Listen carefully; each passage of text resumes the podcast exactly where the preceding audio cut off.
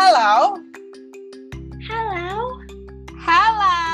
Kenapa kayak memeng gini ya jadi kayak Bener sih. Siapa ini tamu Halo. kita? Siapakah aku? Ya, Kayak undang anak sakit kecil, ke- Mon. Sakit kepala, mulai-mulai gitu ya. Sebuah sisi dari tamu kita yang nggak pernah gue lihat ini, nggak biasa dia imut-imut begitu Oh. ya. Podcast mengubahnya menjadi seseorang yang kita tidak kenali. Jadi memeng. Terus terang gue tahu kata memeng itu dari orang ini. Jadi kayak ini Oh lucu juga ya. gitu. Eh, eh, manggil kucing memeng. Ya, Nama nama aslinya Komeng. sounds wrong tapi lucu gitu memeng.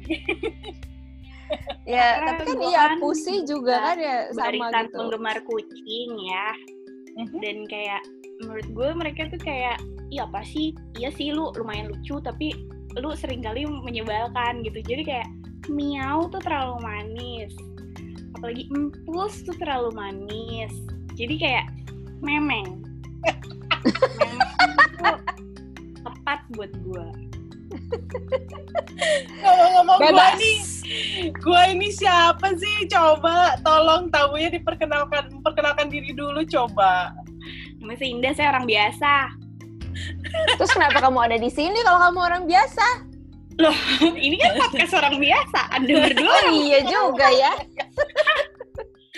Sorry, Kirain kita ini, orang-orang keren, taunya orang. Indah ini tidak biasa karena biasanya kalau kita rekaman podcast tuh ya udah ngobrol aja. Dia lagi pasang alis saudara-saudara. Karena dia sudah kita kasih tahu akan di screenshot. Jadi dia harus punya alis. Indah ini adalah teman kerja gue waktu itu di sebuah perusahaan apa ya namanya eh, Meta Search ya. Eh, sekarang bilangnya nggak meta search lagi. oh bukan lagi ya. Sekarang apa namanya? Ya, tapi nggak penting lah. Oh ya oke baiklah. Dan dia ini adalah sang konten ekstraordiner di perusahaan Alah. Meta Search ini. Jadi gue Habis nggak mau kenalin diri sendiri Iya. sih ya. plus jangan lupa dia juga adalah seorang penari saudara-saudara profesional karena karena, karena dia dibayar ya. Oh penari bayaran kan lah? tapi lagi nggak ada job nih sedih. Sudahlah. Tidak boleh. Ini masanya lagi emang nggak ada show ya bu ya. Jadi sekalinya Oh. diajak podcast langsung pasang maskara. Di sinilah dia panggungnya. Katanya tadi awalnya cuma mau pasang alis, tahu-tahu pakai segala macam foundation lah, concealer Udah, lah, maskara, nggak pakai glitternya Udah. dah. udah udah udah. Sudah. Kita eh, mengundang Indah kali ini di acara di acara di podcastnya The Pineapple Dance. Di acara Asukasu, aku suka, kamu suka. Tapi gue belum pernah denger itu. Emang nggak ada. oleh Vira Ox- Extraordinaire juga. The, Pine- The Pineapple Dance. Kita lagi mau ngobrol soal perjalanan dan kali ini eh, kita akan ngobrol tentang sebuah destinasi di Asia bersama Indah. Yang ada. Iya, kita udah keseringan tuh ceritanya di Eropa lah, Timur Tengah lah, Asia tuh kayak belum pernah ya. Masa sombong kali kalian? Heeh. Kayak kamu istimewa. Luar biasa. Sombong kali kalian. Kalian lupa di mana kalian berpijak. Asik. Enggak. Saya emang sombong aja. Jadi kita mau Eh. bicarain destinasi mana nih, Indah? Hong Kong. Hong Kong. Dari Hong Kong. Se- sedikit backstory eh, kenapa Indah kita ajak ngobrol tentang eh, Hong Kong itu sebenarnya gue sama Indah pernah penugasan Hihi, ke Hong Kong ketika itu. Hmm, tetapi ternyata setelah penugasan itu Indah kembali ke Hong Kong. Yang berarti adalah gue berasumsi nih, lu suka nih sama Adil. Hong Kong. Hmm, Itu pasti. Betul. Hmm. Karena eh, banyak juga sih orang yang mengulang perjalanan ke Hong Kong, tapi di sepengetahuan gue dan orang-orang sekeliling gue adalah mereka biasanya berulang karena belanja gitu. Dan itu bukan kasusnya Indah kali ini, tuh. Bukan, saya bukan just tip ya. Saya masuk uh, mall sama masuk pasar aja kepala saya pening karena baik banget orang. Jadi saya ke Hongkong tuh ke gunung. Hmm, kan? Oke. Anak-anak Ring of Fire ke Hongkong ke gunung. Padahal di sini banyak gunung. Karena Iya. gunung di sini ya itu deh adalah istimewanya gunung Hongkong tuh aku suka. Apa istimewanya ceritain dong?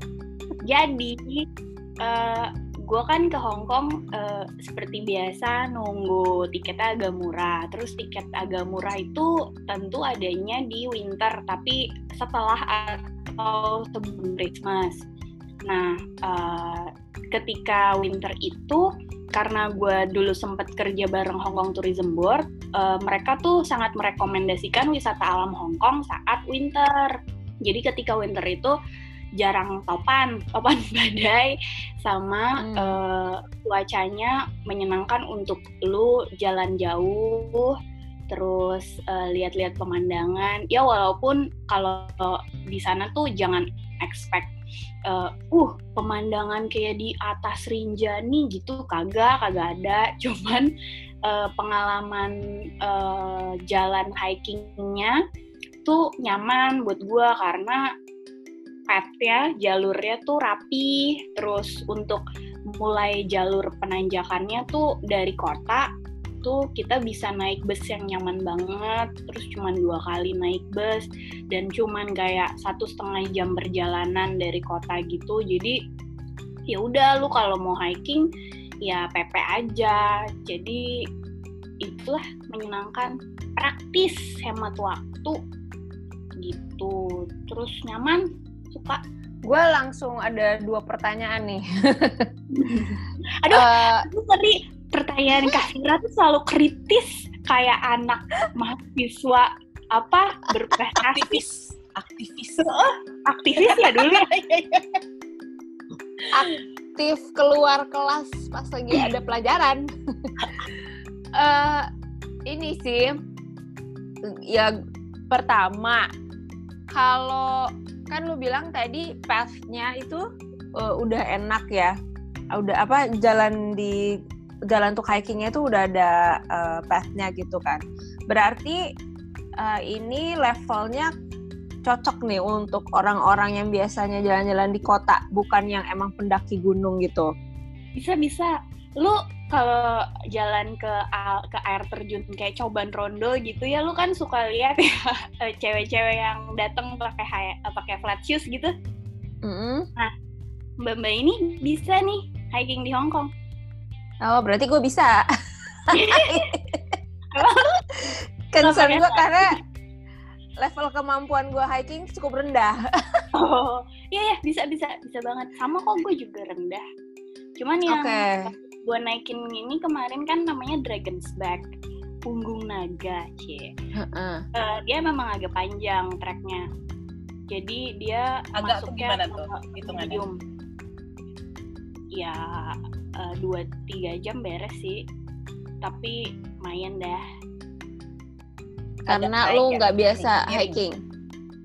Eh, miring banget enggak hanya beberapa hanya beberapa spot yang miring banget tapi panjang tapi panjang yang nyaman jadi bisa dilalui dengan ya tiga jam beres tiga jam empat jam. Jadi gue tuh pergi dengan dua orang teman yang dikit-dikit berhenti.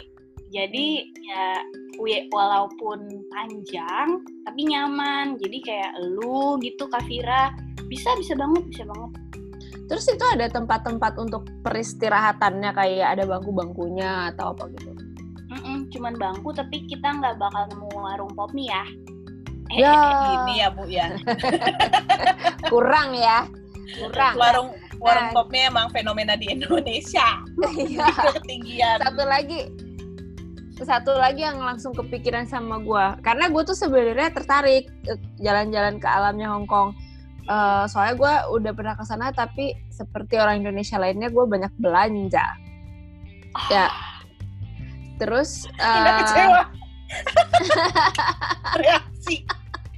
eh, ini satu lagi kan lo bilang tadi uh, orang turismenya juga merekomendasikan itu pas winter ya jalan ke apa hiking di sana. Uh, sebagai orang yang beser, concern gue lagi adalah ada toilet umumnya nggak? Ada. Hmm. Dan Jadi, bersih. Oh, mm, mm. jadi kan di sana toiletnya kering ya, jadi tidak hmm. se waduh tidak sewaduh toilet umum Indonesia. Oh. Tapi bentuknya sih kayak toilet konser gitu. Oh, oke okay, oke. Okay. Ya, oke okay lah ya. Yang flashnya diinjek, nggak ada hmm. nggak ada air gitu. Oh. Baunya ya bau, cuman bisa lah dipakai. Sudah lah ya standar Indonesia. Kalau udah pernah ke WC di terminal bis, udahlah gitu kan. Gak usah banyak rewel kan. Bisa, bisa. Kalau pertanyaan gue sih lebih ke menariknya adalah ketika lu tahu harga Hongkong seperti itu, yang buat teman-teman yang belum tahu harga Hongkong itu luar biasa mahal ya. Uh, terus mahal dude. Eh, nggak tahu ya, iya, ya. Mahalnya gimana nih? Dia pakai uang kantor, gue nggak sadar ya itu mahal. Waktu itu kita nginep di inget nih pasti Indah inget. Kita nginep di sebuah hostel ya. Hostelnya itu uh, harganya itu kalau nggak salah hampir 1,8 per malam. 1,8 itu isi uh, luas kamarnya itu adalah sekitar uh, dua setengah meter kali tiga lah dan itu muat tiga orang pakai bunk bed bunk bednya ada atas, ada bawah, ada kolong.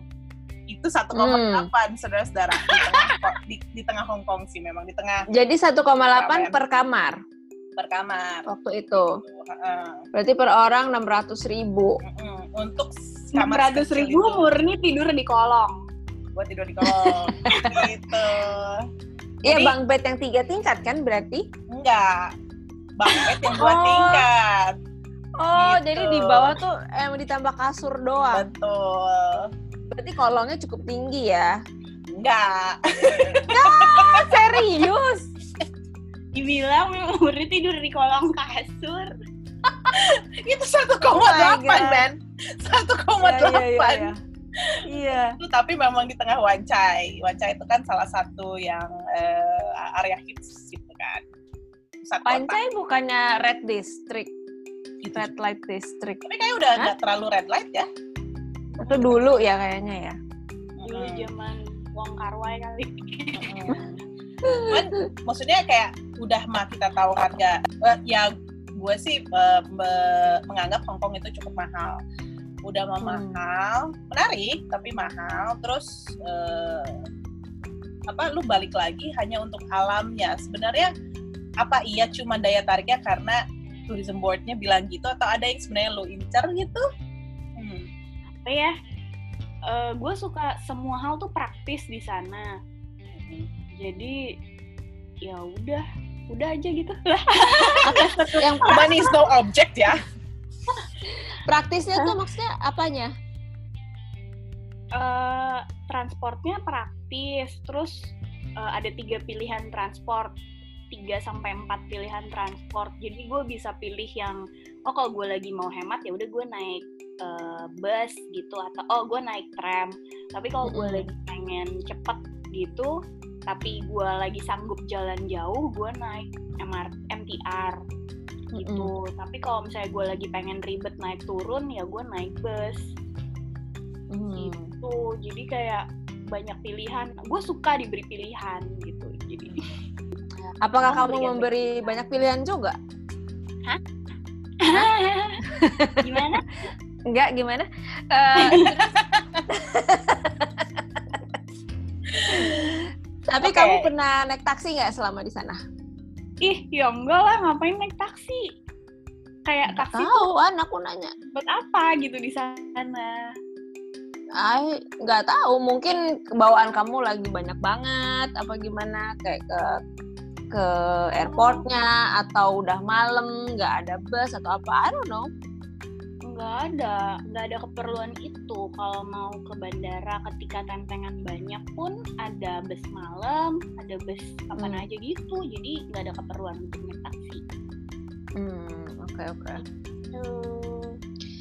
Oke, terus selain uh, ini selain hiking. ke alamnya hiking eh, dan lu uh, wisata alamnya emang hiking di Dragon's Back itu aja atau ada yang lain lagi kan kalau nggak salah ada kampung nelayan lah apalah gitu Iya, iya, gue ke pantai itu, cuman pantai itu ya nggak usah dibahas lah ya, pantainya ya udah ala-ala aja. Tapi ya gue heran deh, itu kan musim dingin ya, dingin bener. Terus pas gue ke pantai itu ada yang lagi surfing dong, wah, gue gak ngerti Oh. lagi.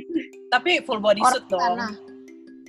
Iya, Maksudnya dia orang sana tuh atau orang barat yang emang udah biasa Orang sama hmm, orang sana kayak lagi bosen aja di rumah. ada yang berenang nggak? Nggak ada, nggak ada. Oh, satu lagi sih yang menurut gue menarik banget dari Hong Kong. Eh, mungkin ini tuh karena gue kerja sama Hong Kong Tourism Board beberapa tahun berturut-turut, gue jadi tahu apa yang sebenarnya mereka eh, promosikan dari wilayah mereka yang cuma secuplik itu. Terus eh, dan gue tuh sadar bahwa yang gue sadari adalah orang Indonesia tuh tidak terpapar banyak dengan informasi itu. Jadi Hong Kong itu sangat mempromosikan eh, travel like a local. Jadi sebenarnya kan eh, turis spots mereka itu itu aja dan tidak bertambah. Kayak The Peak, kayak eh, Chim Sa Choi, kayak hmm, Bentar, bentar. apa lagi Mungkin harus ditegaskan. Chim Sa Choi itu apa? Karena tulisannya nggak Chim Sa Choi, ya. Sim Sa Sui. Yang kita kenal ya tulisan Sim, Sim Sa Sui. Dibacanya Sim Sa Choi. Coy. itu aja terus yang orang Indonesia tahu ke eh, belanja ke ladies market itu tuh sebenarnya sama tourism boardnya mereka udah nggak mau promosiin itu karena menurut mereka itu sudah sudah menjadi broken destination yang aduh udah penuh banget turis sampai semua barang di sana mahal terus udah tidak lagi nyaman dan tidak layak untuk dipromosikan. Kemudian alternatifnya yang mereka yang mereka lakukan adalah mereka tuh benar-benar menggali apa yang mereka punya. Jadi eh, mereka tuh bisa aja mempromosikan eh, namanya Samsuipo. Itu ada satu distrik yang ibaratnya kalau di kita nih hmm, kayak apa sih Roxy gitu, tapi kayak Roxy belakang-belakang yang ada pasar kayak ladies market gitu tapi lebih Bronx gitu jualan kayak USB charger kayak jualan eh, perkakas elektronik kecil-kecil yang murah gitu itu sama mereka dipromosiin. Saking mereka nggak tahu lagi harus promosiin apa menurut gue ya. Tapi itu juga tidak salah menurut gue karena ketika mereka mempromosikan itu nantinya kan ada perekonomian yang eh, yang lebih bagus untuk masyarakatnya kan. Karena mereka juga mengalami itu betapa sangat eh, mahalnya Hong Kong terus orang-orangnya struggling makanya orang-orang tua di sana tuh masih kerja sampai yang udah nenek-nenek pun masih kerja terus eh, harga harga sewa rumah gitu mahal banget sampai ada micro apartment yang cuman segede satu satu apa satu lahan parkir untuk satu mobil itu udah mulai banyak nih. Jadi murni kamu tidur di kolong tuh kamu udah beruntung. Ya ampun, aku tuh punya kandang sendiri paling nggak ya. Iya. Mm-mm. Enggak, bertiga, enggak sendiri. Nggak untuk satu kolong di bawah itu doang tuh gue sendiri. Kandang kayak kandang ayam ya. Kurang jaring-jaringnya aja. Eh, tapi segitu segitu bingungnya ya mereka mempromosikan apa? Misalnya kayak wisata sejarah gitu nggak ada gitu, nggak banyak. Ada ada sih, cuman hmm, balik lagi karena mereka kecil-kecil semuanya dan eh, wisata sejarahnya menarik sih dan ya oke lah. Cuman ya itu lagi itu lagi. Mereka Pertanyaannya kayak- adalah, Hah? sorry, Iya, mereka kayak eh, mereka tuh kan punya etos kerja yang sangat berbeda dengan kita ya. Jadi kayaknya mereka setiap tahun selalu dituntut untuk eh, punya sesuatu yang baru, promosikanlah apalah yang baru gitu. Terus ada satu area yang dulunya tuh area Bronx. Cuman tempat sebuah festival graffiti gitu Uh, mereka dan mereka nggak mau nyebut graffiti karena menurut mereka itu uh, dekat dengan term vandalisme mereka mau maunya menyebutnya street art. Terus yang dijadiin lahan untuk festival street art itu kayak uh, ibarat tuh kalau di sini tuh kayak daerah hmm, glodok gitu loh yang banyak ruko-ruko. Hmm. Terus yang di grafitiin tuh rolling door-nya tembok toko-toko tua itu gitu Berarti cuma bisa dilihat kalau tokonya lagi tutup.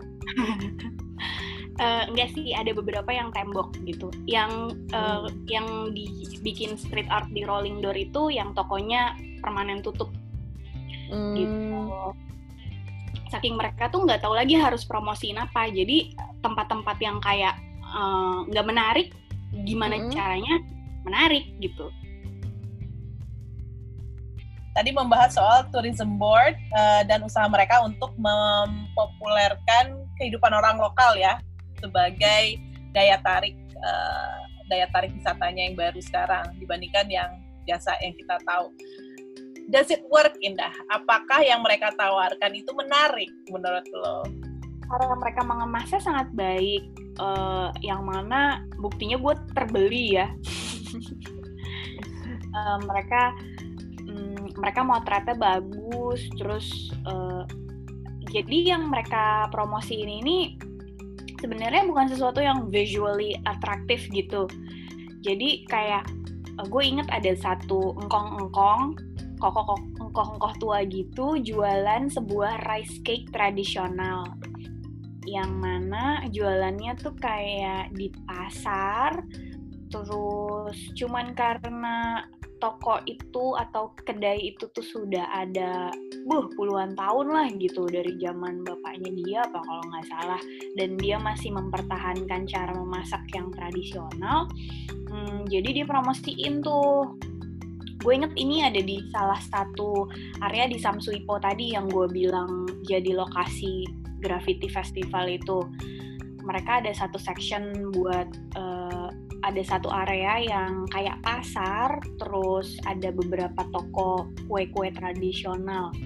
Nah, uh, fotonya menarik gitu kan, terus pas di uh, pas gue kunjungi lah tuh ya, terus wah ini kayak gue nggak doyan nih gitu.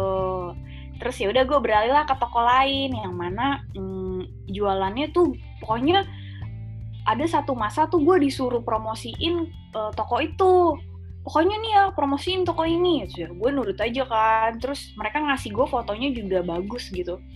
Pas gue dateng ya kios di pasar aja. Terus yang jualannya uh, olahan kedelai kayak ada susu kedelai terus kayak kembang tahu gitu. Gue nggak paham deh tuh ya bahasa sananya apa kembang tahu gue cobain. Enak sih anget gitu. Cuman hmm, ya tidak istimewa. Tapi menarik sih karena gue rasa uh, yang ke situ orang Indonesia uh, kayaknya gue sama temen gue doang nih. Masa Orang Indonesia yang lain lagi di Causeway Bay. Masa ke Hong Kong beli iya, kembang tahu? Gitu ya. Iya. Pasti mikirnya gitu. Ya tapi uh, yang makan di situ rame dan ya warga setempat gitu. Jadi kalau mereka mempromosikan traveling like a local, sungguh gue adalah satu contoh yang yang uh, yang berhasil yang berhasil gitu. dibujuk berhasil dibujuk untuk travel like a local gitu ya. Tapi kan lo bilang di situ yang Indonesia kayaknya cuma lo sama temen lo doang. Yang lain apakah orang lokal atau turis dari negara lain? Hmm, warga setempat. Jadi kan si ku, si tokonya engkoh itu emang udah ada di situ lama banget. Jadi yang ke situ ya uh, frequent visitor uh -huh. gitu. Tapi lo uh, di sana uh, mesen-mesen makanan pakai bahasa Inggris mereka ngerti ya? Hmm, tunjuk oh, warteg-warteg. Okay. Ala warteg. Itu ini gak sih? Gue kayak gue pernah baca tulisan lo tentang Lan Fong Yuen. Apakah ini yang lo maksud? Yang oh, lo ngantri sampai Lan Fong Yuen itu cukup ada di tengah dan um, kayak nggak tahu sih ya udah cukup terkenal di kalangan turis gitu. Hmm. Oleh karena itu antriannya sampai panjang banget sampai sebelum tokonya buka gitu. Jadi uh, mungkin yang menjadi halangan orang-orang Indonesia ke sana itu adalah kehalalannya yang dipertanyakan. Hmm. Jadi uh, mungkin yang ngantri di Lanfong Yuan itu sebenarnya banyak turis, uh, tapi bukan turis Indonesia atau yang jilbaban gitu enggak. Jadi hmm. kayaknya turis-turis Chinese lain gitu. Karena hmm. sebenarnya kalau warga setempat mungkin mereka tuh punya uh, punya langganan cacanteng lain. Lanfong Yuan tuh istilahnya cacanteng. Cacanteng itu adalah kayak restoran breakfast mereka yang menunya tuh agak-agak fusion uh, Chinese sama British gitu. Oleh hmm. karena itu ada milk tea, ada uh, mereka jual kayak mac and apa ya bukan cheese pokoknya kayak oh. macaroni gitu terus uh, banyak toast sama ada hmm. pineapple bun itu. Pineapple. berdecak pineapple bun. Sungguh sebuah makanan yang gue kayak oh my god itu luar biasa banget. Wah! Ada alasan kenapa antrian di depan. Apa tadi Longfeng Lanfong Yuan. Lanfong Yuan itu ada alasannya jadi emang enak menurut lo emang enak banget sih tuh makanannya ndah hmm, gue cukup hmm, gue standar gue makanan enak tuh rendah banget ya. Jadi mungkin enak gak pun kalau buat gue sih uh, rasanya emang enak is, is, enak istimewa ya maksudnya. Um, gue belum pernah ngerasain kombinasi seperti itu. Terus ternyata kenyangnya pas enak dimakan sebagai sarapan jadi kayak enak lah gitu. Uh, buat sebagai gambaran sebenarnya gue tuh baru nggak roti boy itu asalnya dari mana. Kayaknya roti roti boy itu inspirasinya dari pineapple bun itu um, hmm. jadi terus sebagai gambaran pineapple bun itu sebenarnya roti yang atasnya tuh ada lapisan manisnya tapi di dalamnya tuh ada uh, potongan mentega sehingga ketika dimakan tuh ada rasa gurih dan rasa manis bersamaan gitu. Nggak ada pineapple-nya? Nggak ada. Pineapple bun itu disebut pineapple bun karena kulit bagian atasnya uh, itu diseset silang, disayat silang gitu. Uh, Sebenarnya itu untuk estetika aja katanya nggak ada urusannya merasa dan membuat dia menyerupai hmm, menyerupai nanas, kulit nanas. Oh gitu, it's all about visual. Mm-hmm. Ya. Dan dan paduannya sama milk tea-nya, milk tea-nya tuh di sana kan nggak manis ya, jadi benar-benar memang teh dan susu. Tapi gue nggak tahu jenis teh dan jenis susu yang digunakan karena uh, apa perpaduannya tuh smooth banget gitu, enak banget sehingga enak banget sama si pineapple bun ini. Kita waktu di sana sempat mengulang sarapan di sana ya, Anda ya. ya. Karena enak banget. Mengulang sarapan di sana. enak sih gitu. Gua doyan, doyan banget. Tuh itu pun uh, kalau nggak salah kita nemunya karena uh, panduan orang luar orang Inggris atau orang apa gitu waktu itu. Jadi jarang jarang ditemukan di ketika itu ya jarang ditemukan di situs-situs Indonesia gitu. Hmm, oke. Okay. Dan tidak dipopulerkan di Indonesia juga kayaknya karena si halangan kehalalannya itu sih. Hmm. Gue sih yakin hmm, okay. itu kagak halal ya. Tapi katanya pernah ada di Grand Indonesia. Sebel banget, gue nggak tahu ada restoran yang jual pineapple bun di Indonesia di Mall Grand Indonesia. Kenny waktu itu cerita di apa di story-nya atau di apa namanya di Twitter ada tapi tutup mungkin karena hmm. tidak halal tidak laku I don't know hmm. so. gue dengar sih kayak Din Tai Fung tuh dan teman-temannya yang buka cabang di Indonesia uh, mereka tuh juga punya pineapple bun tapi kayak udah di udah dimodif gitu. Jadi mereka menyebutnya pineapple bun tapi kayak diisi babi gitu. Barbecue pork gitu. Di PIK juga ada tuh yang kayak gitu. Tapi kayak pineapple bun-nya beneran gue rasa ketika dijual dengan harga yang sophisticated orang akan kayak ah, apaan ada roti boy yang dua belas ribu? gitu. Emang rasanya mirip? Iya roti pakai butter. Anget-anget beda sih beda beda beda. Jadi lebih ke apa ya? Lebih kayak oh mungkin karena kalau gue sih mungkin karena ngerasa roti boy belakangan eh ngerasain eh, roti boy terus tahu pineapple bun dan ternyata pineapple bun ini udah lama banget sedangkan roti boy ini terbilang baru gue pikir eh, roti boy itu rasa paletnya tuh ke pineapple bun itu gitu Hmm, oke, oke. kiblatnya tuh di sana gitu Aduh, itu love Nah, itu kan dia kan eh, restoran kayak kedai gitu ya. Kayak ah, maksudnya bukan restoran yang fancy gitu-gitu kan.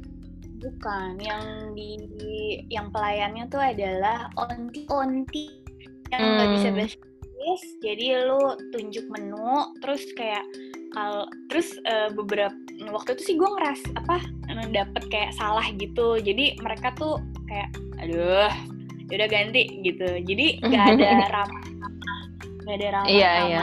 penting gitu yang kayak ih kamu harus diagungkan nggak ada nggak ada Nggak ada sama sekali di sana. Gue suka dulu kayak kenapa gue dimarahin cuma minta es batu gitu. dia nggak marah emang dia kayak gitu Emang ya dulu kan gue nggak tahu nih kok kasar banget tapi emang ternyata standarnya di sana begitu. Hmm, it's all menurut business itu pengalaman yang menarik sih Nggak nggak bukan soal is all business sih Moon. Emang orangnya berkomunikasinya begitu aja nggak bisnis nggak bisnis kayaknya mah. Nggak sih, kalau menurut gue karena ada beberapa restoran ketika itu kita juga kan defaultnya seperti itu kan. Tapi ketika udah bisa tembus bahwa eh, kita berbaik hati sama mereka, terus eh, mereka ngeliat kita tolol kayak oh ini turis tolol gitu kayak ini nggak tahu apa-apa gitu, mereka berbaik hati ramah banget gitu. Terus gue kayak kok ternyata gitu. Jadi buat mereka ya peran depannya adalah you want to eat, I give you food gitu. That's the business gitu keramahan itu nanti kalau misalnya lu butuh bantuan atau lu butuh eh, ekstra ekstra lebih dan terlihat apa ya istilahnya terlihat eh, tak berdaya gitu baru mereka akan oke oke oke sini sini saya bantu gitu. Sebenarnya seperti itu. Itu sih kesimpulan gue sih ketika ke Hong Kong itu.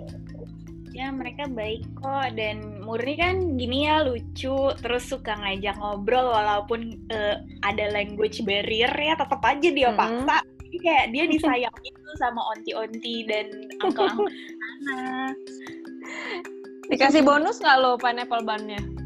sayangnya it's still business.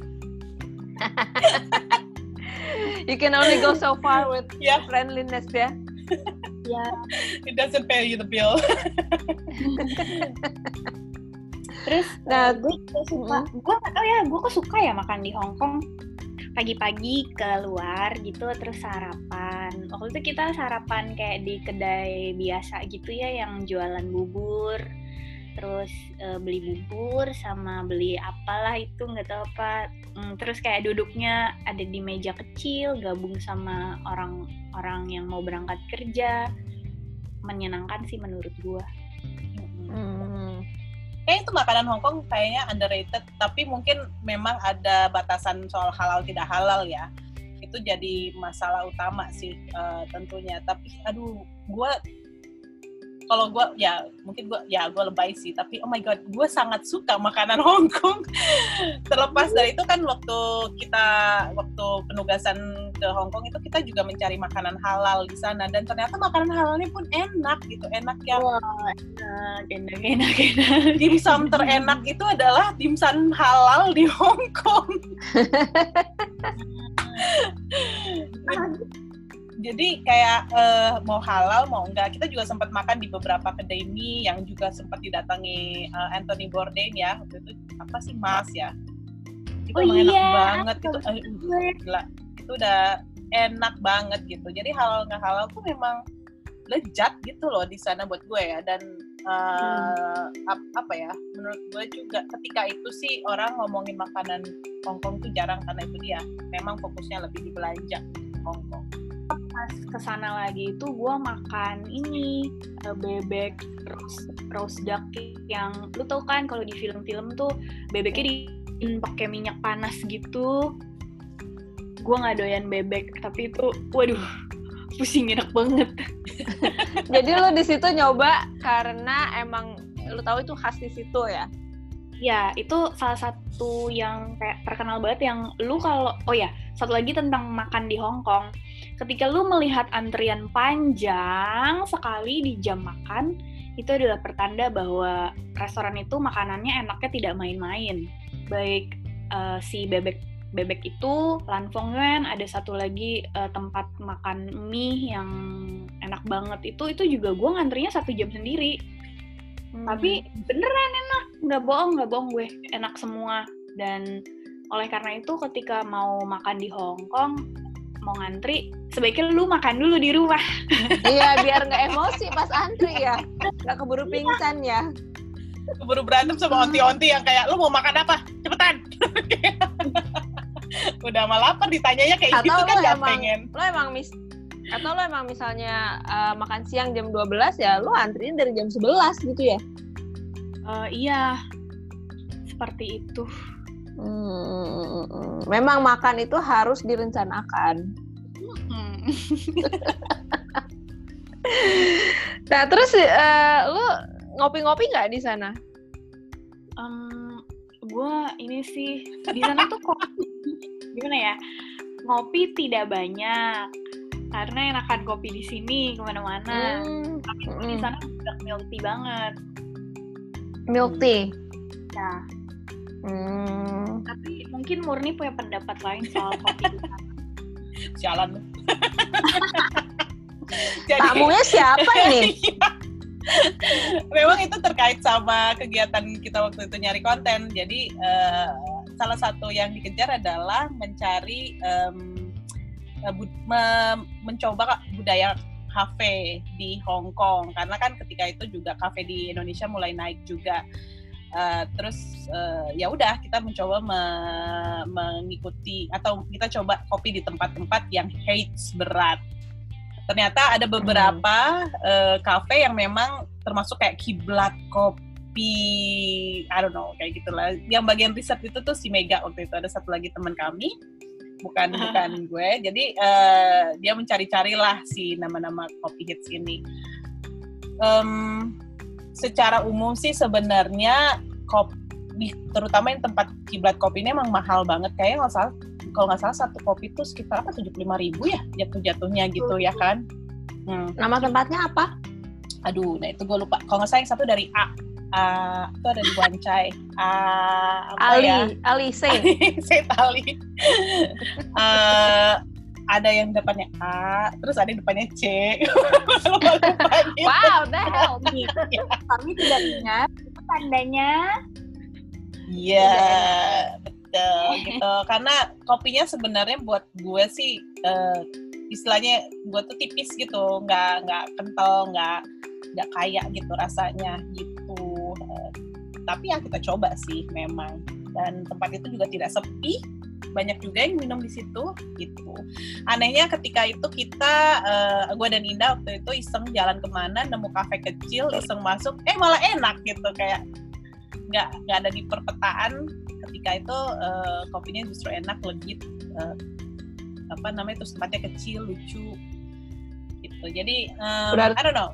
Uh, ketika itu budaya kafe memang naik dan udah mulai banyak ya dah ya uh, apa namanya kafe-kafe cantik untuk Instagram ketika itu udah mulai mulai booming. Karena ini udah berapa tahun lalu ya? Ya tiga tahun lalu ya? Dia empat tahun lalu. By the way video hmm. kita yang makanan halal itu sampai sekarang view-nya masih naik terus dan masih banyak yang komen. Saya sampai malu loh. Kenapa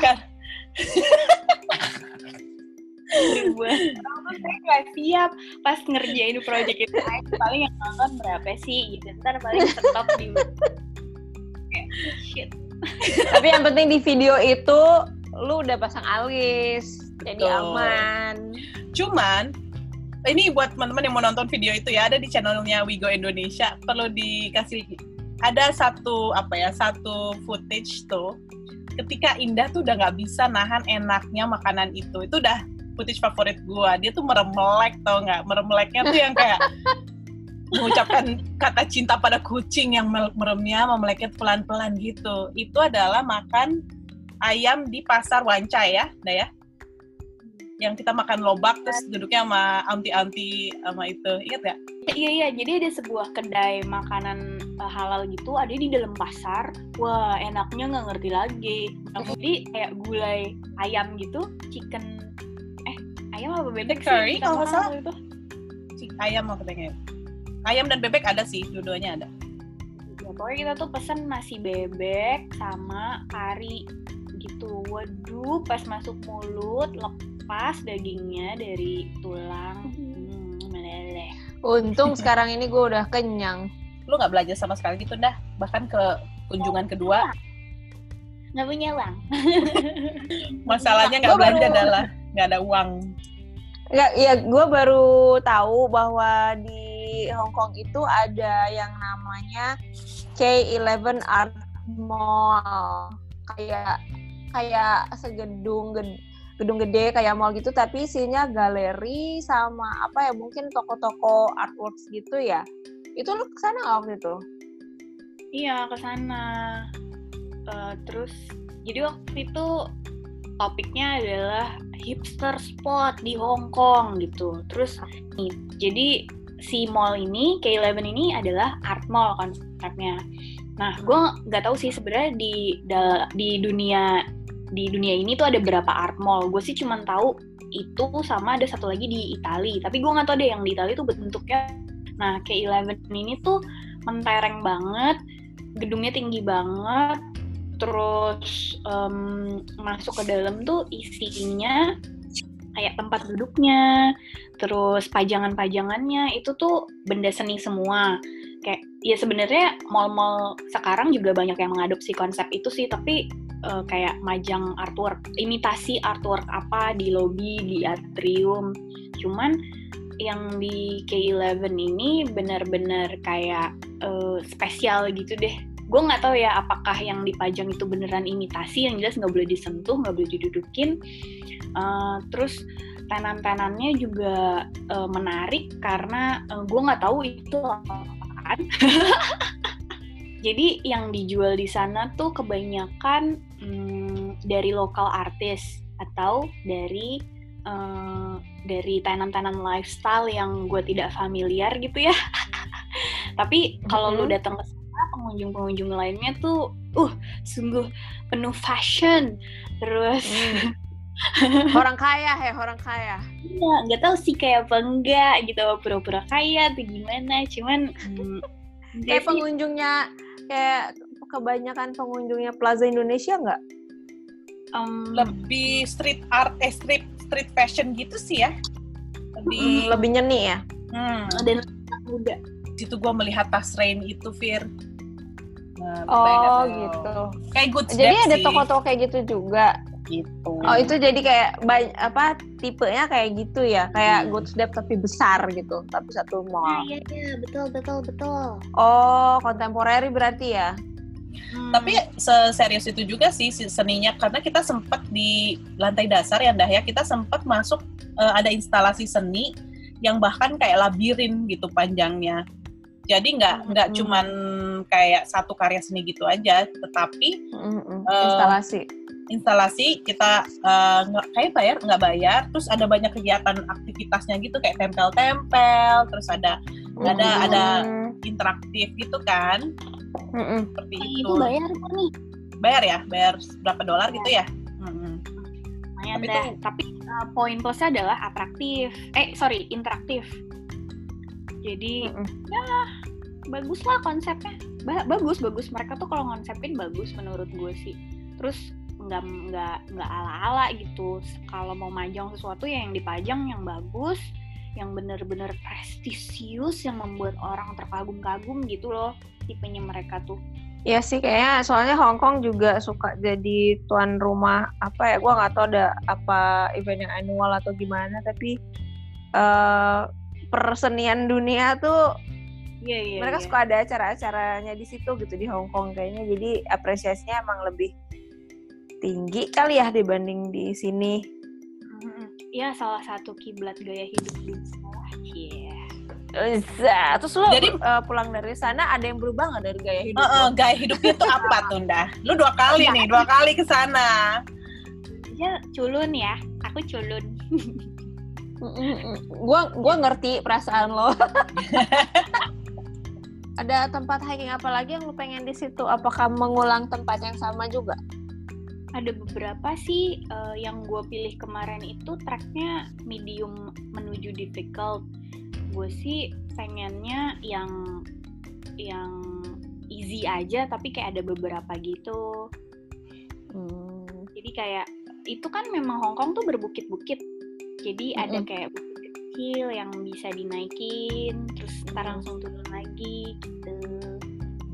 Pengen. Makanya dia salah satu eh, tempat wisatanya juga si Victoria Peak itu ya. Sebenarnya sih nggak harus ke bukit juga berbukit-bukit sih. Kayak waktu itu kita nyasar mau ke The Peak terus salah, terus naik. Hmm. Ada yang eskalator terpanjang di dunia kan ya. Kayak lah, lah, naik terus, gitu naik naik naik naik terus kenapa kita di sini ya? Eh, turun lagi jalan. Oh terpanjang di dunia tuh di situ. Nggak salah itu deh, ha?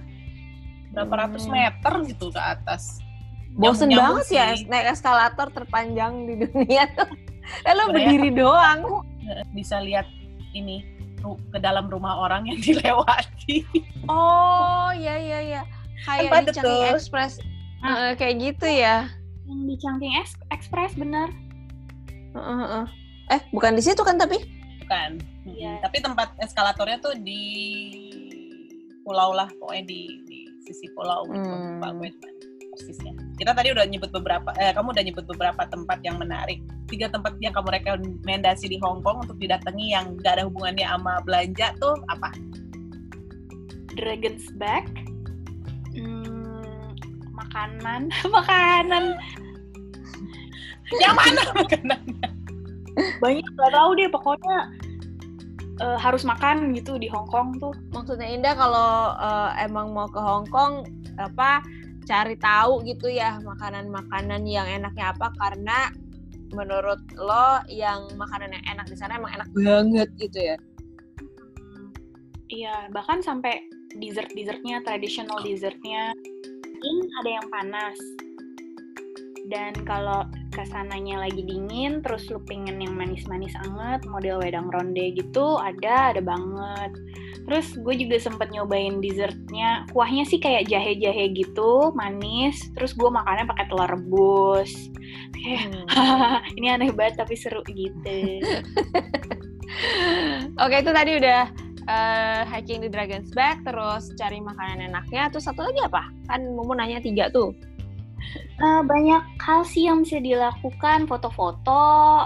Cuman kalau gue sih merekomendasikan itu si street photography itu. Orang sana cuek-cuek sih asal lu tidak songong aja atau tidak bener-bener nggak nyorongin kamera ke muka mereka. Asik sih. Ada area tertentu nggak yang lo rekomendasi untuk street photography?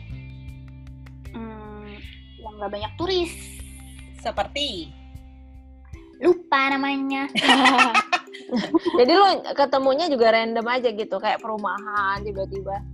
Iya, kan ada tuh yang hmm, yang apartemen tinggi banget nggak ada liftnya, yang kita datengin, yang sering jadi tempat syuting gitu. Oh itu nggak ada liftnya?